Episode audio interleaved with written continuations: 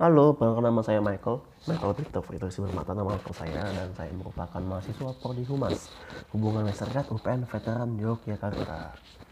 Selamat datang kembali nih di podcast yang membahas tentang dasar-dasar logika atau daslog.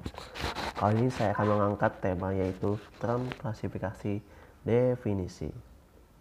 Nah, kita mulai dari dasar dulu ya. Komunikasi terbagi menjadi dua, yaitu verbal dan non-verbal. Komunikasi non-verbal sendiri adalah komunikasi yang melalui penggunaan bahasa tubuh termasuk kontak mata, ekspresi wajah, hingga gerakan tubuh. Sementara kalau komunikasi verbal itu apa sih Mike? Adalah penggunaan bahasa untuk mentransferkan informasi melalui teks yang tertulis, bicara atau bahasa isyarat. Nah sama juga nih kayak komunikasi verbal dan non verbal. Logika berfondasikan kata-kata atau dalam logika disebut term sebagai media untuk mengungkapkan pemikiran. Kata dapat dibentuk menjadi kalimat atau paragraf. Nah, term juga nih nggak kalah nih. Dapat dikembangkan melalui proposisi atau dan, dan silogisme. Kalau kata sendiri merupakan tulang belakang komunikasi verbal, sementara term merupakan fondasi dari dasar logika. Nah, pembentukan term itu ada dua, apa aja Mike? Cakep kita kasih paham. Di term sendiri terbagi menjadi eksplisit dan implisit. Kalau eksplisit kata-kata term itu terbentuk dari kata-kata itu sendiri. Nah kalau implisit terbentuk dari gagasan yang pada tataran tertentu membentuk sebuah term. Namun pada tataran lain dibentuk oleh term dan menghasilkan sebuah konsep. Konsep. Kita bahas dulu konsep nih apa sih konsep mungkin baik mungkin ada nggak tahu kan. Konsep itu eh, gambaran atau visualisasi. Gambaran tersebut merupakan sesuatu atau rangkaian sesuatu. Gambaran tentang sesuatu atau rangkaian tersebut masih dalam pemikiran. Jadi eh, konsep itu kerjanya adanya di pemikiran kita. Dan di pemikiran kita kita mau memvisualisasikan misal kita mau mau menggambar gajah kita bakal mikir wah gajah empat kaki buat empat kaki nih. Kemudian ada belalai kemudian ada uh, ekornya ada badannya ada telinganya ada gadingnya ada giselnya. Oh beda beda beda, beda cerita ya. Nah kemudian setelah kita pemikiran itu itu yang disebut dengan konsep. Kalau masih di pikiran itu namanya konsep. Kemudian kita akan membahas tentang term. Term atau kata berbeda dengan ilmu bahasa yang, yang memiliki term dari segala aspeknya. Pendidikan logika bertujuan mencari pengertian term dan bagaimana penggunaan setepatnya. Pendidikan term penting karena kata merupakan unsur yang membentuk pemikiran jadi kalau nggak ada kata, nggak ada juga pemikiran kita nggak bakal terbentuk. Dalam proposisi, term berbentuk subjek dan predikat.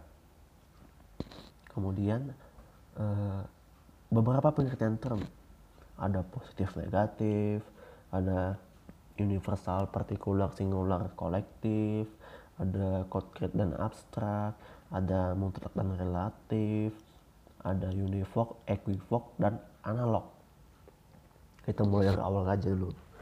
Positif negatif.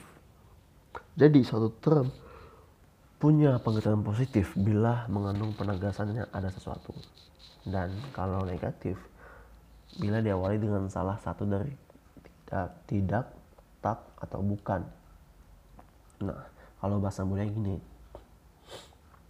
term positif ialah term yang menyatakan jika menyatakan benda atau atribut yang ada. Contoh meja kursi dan lain-lain. Jadi ada fisiknya ada, bisa dipegang fisiknya. Kemudian ada term negatif ialah term yang akan dengan negatif. Bila apabila menyatakan benda atau atribut yang tidak ada. Contoh angin oksigen itu ada tapi fisiknya nggak ada nggak nggak bisa dipegang hantu juga. Eh agak susah sih kalau bahas hantu ya. Udah jangan deh. Lanjut.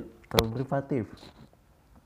Term privatif ialah yang menyatakan bahwa atribut atau benda itu tidak tidak ada pada waktu sekarang, tapi mungkin dimilikinya pada waktu yang lain. Contohnya, buta, lumpuh, tuli. Uh, by the way, term uh, privatif nih tambahan ya. Kan tadi awalnya positif negatif. Nah, saya, uh, saya tambahin privatif nih. Jadi, uh, fisiknya ada, tapi fungsinya nggak jalan pada waktu itu. Yang kedua, ada universal partikular, singular, dan kolektif. Satu term punya pengertian universal apabila yang mengikat keseluruhan bawahannya tanpa kecuali contoh manusia. Kemudian contohnya lagi ada hewan. Hewan kan berarti semut hewan, uh, gajah hewan, kuda hewan. Jadi semua jenis, jadi hewan dia mencakup keseluruhan. Tumbuhan juga sama seperti itu. Kemudian suatu term punya pengertian partikular bila ia mengikat bawahannya yang banyak tapi tidak tidak mencakup keseluruhan anggota yang diikatnya. Contoh beberapa orang tim bola voli Yogyakarta regu tertentu. Nah, satu term punya pengertian singular apabila ia mengikat satu bawahan sebagai anggota. Bisa berupa nama unik, kata yang diimbuhi ini dan itu, dan nama diri. Kemudian satu term punya pengertian kolektif apabila ia mengikat sejumlah barang yang punya persamaan fungsi yang membentuk suatu kesatuan. Contoh, polisi, himpunan, uh, himpunan mahasiswa jurusan. Kemudian yang ketiga ada konkret dan abstrak. Satu term punya pengertian konkret apabila ia menunjukkan kepada satu benda, orang lain, atau apa saja yang punya eksistensi tertentu. Satu term punya pengertian abstrak apabila ia menunjukkan sifat keadaan kegiatan yang lep, yang dilepas dari objek tertentu. Kemudian kita bakal bak, kita, kemudian kita bakal bakal menuju ke mutlak dan relatif. Satu term punya pengertian mutlak apabila ia dapat dipahami dengan sendirinya tanpa membutuhkan hubungan dengan benda lain. Contoh, buku. Kita harus paham buku ini. Rumah kuda. Nah, kalau suatu term punya pengertian relatif bila tidak bila tidak dapat dipahami dengan sendirinya tapi harus ada hubungannya dengan benda lain. Contoh ayah pemimpin kakak adik itu itu harus uh, harus ada hubungannya dengan dengan yang lain. Jadi ada ayah pemimpin ada kakak adik ibu dan sebagainya kemudian ada ada univoc, equivoc dan analog. Ini analog bukan ini ya, bukan PlayStation atau game ya. Beda. Univoc adalah kata yang mempunyai satu makna yang jelas, tidak membingungkan. Contoh meja, pulpen, pensil. Sementara kalau equivoc adalah kata yang mengandung makna dari satu, umumnya dua makna. Contoh bunga, bulan, buku, dan bisa. Bisa kan artinya bisa bisa ular atau bisa uh, berhasil kalau sesuatu. Kalau bunga kan bisa bunga bang bisa bunga bunga mawar. Nah gitu punya dua makna analog adalah kemudian kita bakal ke analog. Analog adalah kata yang dalam pemakaiannya punya makna yang berbeda dengan makna asli tapi masih punya persamaan juga jadi equivoc memiliki kemiripan dengan analog sehingga hampir semua kata equivoc bisa diubah menjadi kalimat bermakna analog. Jadi equivoc sama analog ini uh, kemiripan kayak yang, yang yang saya bilang tadi bisa. Kalau analog kan pemak pemakaian punya makna yang berbeda dalam dengan makna asli tapi masih punya kesamaan juga. Bunga bunga bang bunga mawar gitu. Kemudian kita ke klasifikasi dunia yang dihadapi manusia sangatlah kompleks, berisikan entitas-entitas atau satuan berwujud yang beragam. Entitas ini tidak berada dalam ruang hampa, melainkan di tempat akhir beku yang pada satu titik tertentu menghubungkan dengan entitas-entitas lain. Jadi manusia kan hidupnya tidak kompleks dan manusia itu sendiri adalah makhluk yang dinamis. Jadi berubah labil gitu lah ya Kemudian manusia akan hidup dalam kebingungan bila tidak dapat atau tidak bisa mengidentifikasi kompleksitas entitas di dalam dunia. Jadi ada nih proses identifikasi dengan interaksi dengan objek, mengenali objek, membentuk konsep, akhirnya membentuk sebuah term atau kata, kemudian dikaitkan dengan objek lain mirip dengannya pada titik tertentu, kemudian diklasifikasikan. Kemudian klasifikasi ada dua jenis, ada yang alamiah, ada yang buatan. Apa sih mah alamiah buatan? Kalau alamiah ditetapkan untuk menata sesuatu berdasar sifat dasarnya. Disebut juga dengan klasifikasi ilmiah. Kalau buatan diarahkan untuk memungkinkan kita menangani kompleksitas sesuatu di kondisi tertentu secepat dan semudah mungkin. Kemudian di buatan juga dibagi dua loh. Klasifikasi indeks dan klasifikasi diagnosis. Kita bahas nih.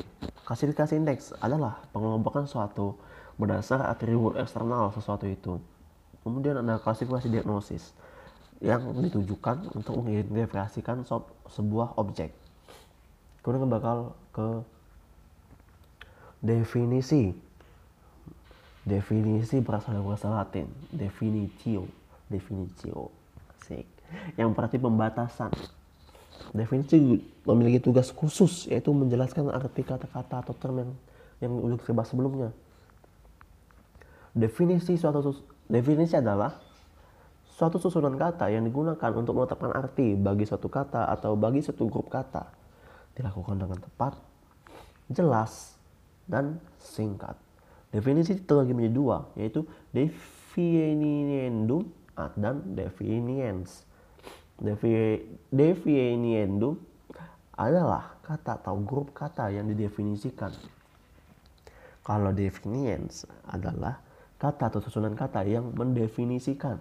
Jadi definendum didefinisikan, kalau definiens mendefinisikan. Oke, kita bakal ke macam-macam definisi. Definisi yang, yang pertama ada stipulatif. Definisi stipulatif menetapkan arti suatu kata baru mencakup penciptaan suatu kata baru atau pemberian arti baru untuk suatu kata lama. Umumnya bertujuan menggantikan ungkapan yang lebih kompleks, yang lebih sulit dengan suatu ungkapan yang lebih sederhana. Kemudian definisi stipulatif ditetapkan dengan arbiter, maka tidak dapat dibilang ada definisi stipulatif yang benar atau salah. Jadi nggak bisa dibilang ini salah atau benar gitu loh. Berdasarkan alasan yang sama, definisi stipulatif tidak dapat memberikan informasi baru tentang ciri pokok dari diviendum Kemudian ada definisi leksikal. Definisi leksikal dipakai untuk melaporkan arti yang sudah dimiliki oleh suatu kata dalam suatu bahasa. Contohnya definisi diksioner atau definisi yang terdapat dalam sebuah kamus. Definisi leksikal mendaftar macam-macam arti yang dimiliki suatu kata dengan tujuan mengeliminasi ambiguitas. Jadi ambiguitas ini eh, suatu kata itu bisa membuat bingung artinya uh, pemahaman itu beda-beda jadi definisi kalau ini bertujuan untuk mengeliminasi ini yang muncul jika jika satu dari arti yang dimaksudkan dicampur adukan dengan arti lain. Kemudian ada definisi yang tepat. Wis, definisi yang bertujuan untuk mengurangi kekeliruan tidak jelasan arti suatu kata. Jika demikian seseorang dapat mencapai suatu keputusan tentang berlakunya suatu kata dalam situasi tertentu. Berbeda dengan definisi stipulatif, penetapan arti dalam defini, definisi yang tepat tidak arbit, arbiter. Dalam hal ini, orang mesti hati-hati nih, mesti was-was agar jamin bahwa penetapan arti dalam satu satu definisi yang tepat dan sah dalam konteks bagi kata atau term itu dipakai. Jadi orang yang di definisi tepat ini harus hati-hati nih karena berbeda dengan stipulatif kemudian ada definisi teoritis definisi teoritis menetapkan arti bagi suatu kata dengan mengusulkan suatu teori yang memberikan suatu ciri tertentu bagi suatu entitas yang ditunjuk oleh kata itu. Suatu definisi teoritis memberikan kita cara untuk memandang atau mengerti suatu entitas dengan konsekuensi konsekuensi deduktif merangsang penelitian lebih jauh yang dihasilkan berdasarkan penerimaan suatu teori yang menentukan entitas-entitas itu. Definisi definisi persuasif. Definisi yang, yang disusun dengan maksud mempengaruhi perilaku. Definisi ini lebih berfungsi ekspresif daripada informatif sebab definisi persuasif banyak mempergunakan kata-kata atau frase dalam bahasa yang emotif. Kemudian terakhir, hukum definisi. Nah, rupanya definisi punya hukum. Jadi, dalam mendefinisikan kita, hukumnya ini ada nih. Definisi harus dapat dibolak-balik dengan hal yang, di, yang didefinisikan tersebut. Jadi, eh, hal yang akan kita definisikan harus bisa dibolak-balik dengan yang kita definisikan hal definisi kan tidak boleh masuk ke dalam definisi jadi misalnya uh, ambiguitas merupakan ambigi ambigi ambiguitas. Nggak boleh ada kata ambiguitas di dalam definisinya. Dan itu termasuk dalam larangan di hukum definisi. Definisi nggak boleh negatif. Definisi harus sungguh-sungguh menjelaskan. Definisi harus tepat perumusannya. Tidak boleh lebih luas atau lebih sempit dari yang harus definisikan. Jadi harus pas. Dan keenam, definisi tidak boleh memuat sebuah metafora. Nah, nggak terasa udah udah di penghujung materi aja kita nih ya. Oke, sekian materi yang saya sampaikan mengenai term klasifikasi dan definisi. Semoga pada paham ya. Saya Michael Terima kasih dan sampai jumpa.